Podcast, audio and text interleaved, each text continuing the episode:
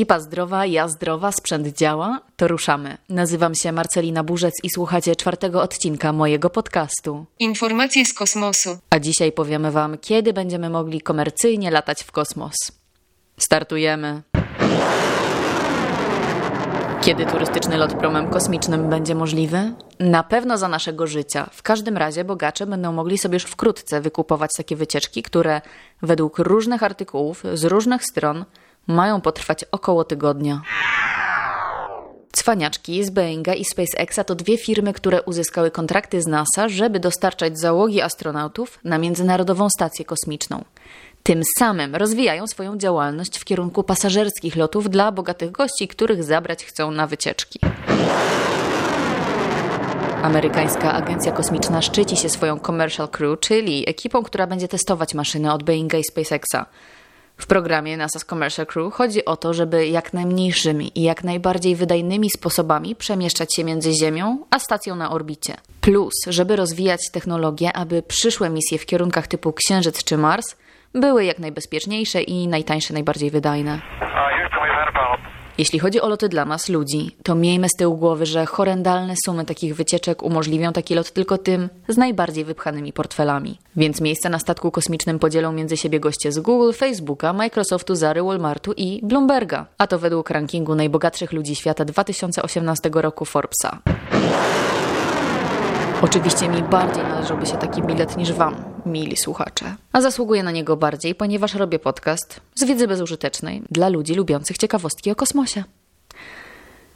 Ech, dawać liner. Muszę się dowiedzieć, kto pracuje w marketingu NASA, SpaceXa i Boeinga i ukraść im know-how. Po milisekundowym namyśle reflektuje się jednak, że te nieznane, tajemnicze akcje są takie pociągające, atrakcyjne dla nas wszystkich i, i to bardziej taki kolejny serial Netflixa, a nie prawda jak na przykład wojna. Więc łatwo dbać o wizerunek. Taka klamra kompozycyjna, przechodzimy do faktów. Powiem Wam, kto jest w załodze NASA's Commercial Crew Program. Ogłoszono to niedawno, w połowie sierpnia. Mamy generalnie 9 osób, ale 5 będzie brało udział w najbliższych testach. Jedną z nich jest Space Flight Rookie, czyli świeżynka, pani Nicole Mann była podpułkownik Sił Zbrojnych Stanów Zjednoczonych Marines, która do NASA dołączyła w 2013 roku. Najbardziej czekam na wyruszenie w kosmos z amerykańskiej ziemi. Potem, kiedy dotrę, chcę zobaczyć Ziemię, Amerykę i spojrzeć na ludzi, którzy zrobili tyle, by ta chwila była możliwa.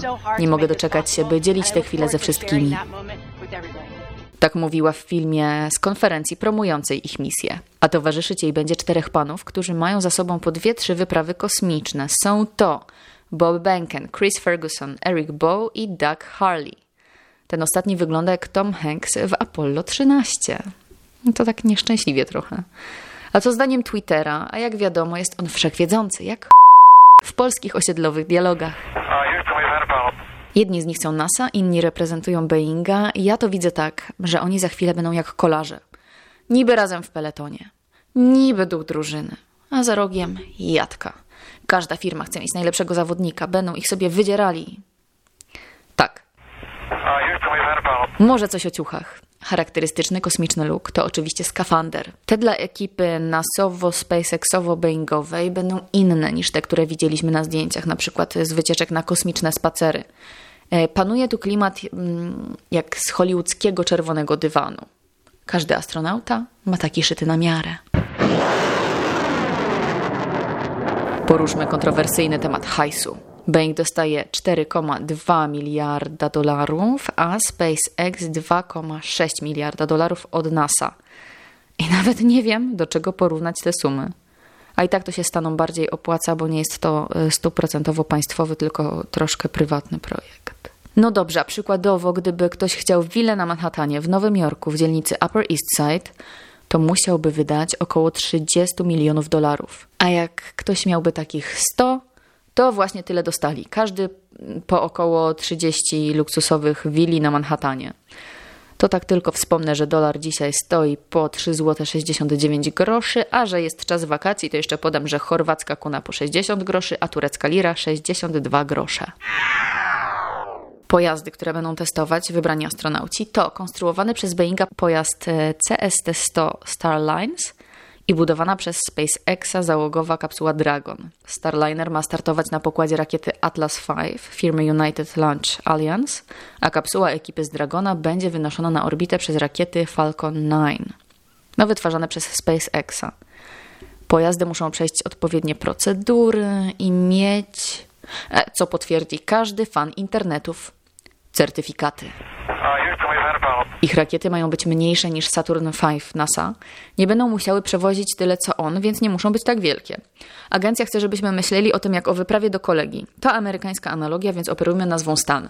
Więc jeśli chcesz się wybrać do koleżki, do innego stanu, to możesz pojechać autobusem. Ale jak ruszasz do kogoś, kto mieszka dwie ulice dalej, to po co lepiej pojechać rowerem? Proste? Pracuje się też nad ekipą Oriona, czy też Oriona, która ma ruszyć na następne dalekie misje. Pamiętajcie, 2030 ruszamy na Marsa, lecimy około 6 lat i jesteśmy Englishman in New York, tylko że Humankind on Mars. Obie maszyny startować mają z tego samego miejsca. To miejsce nazywane jest Space Coast, czyli wybrzeże kosmiczne. To region stanu Floryda. W okolicy jest Kennedy Space Center i przylądek Canaveral Air Force Station. Cokolwiek to znaczy, googlajcie na Google Street View. Ruszają z tego samego miejsca, ale będą miały różne metody powrotu na naszą planetę.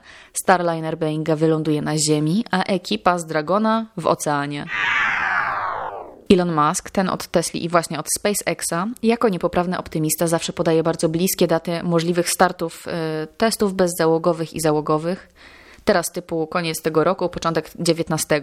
Wszystko jednak wskazuje na to, e, że może się to przesunąć na następny 2020 rok. Nic nie jest potwierdzone. Na stronie NASA go wczytam, że wszystkie daty są targeted, czyli oni by chcieli, a jak wyjdzie, czas pokaże. Chcę Wam jeszcze powiedzieć, dlaczego USA tak się gorączkuje z tym, żeby wyloty były właśnie z obszaru Stanów Zjednoczonych, ale nie radzieckich, a amerykańskich, ale to może w jednym z następnych odcinków. A więcej o ludziach w NASA opowiemy Wam w następnym odcinku. Hej!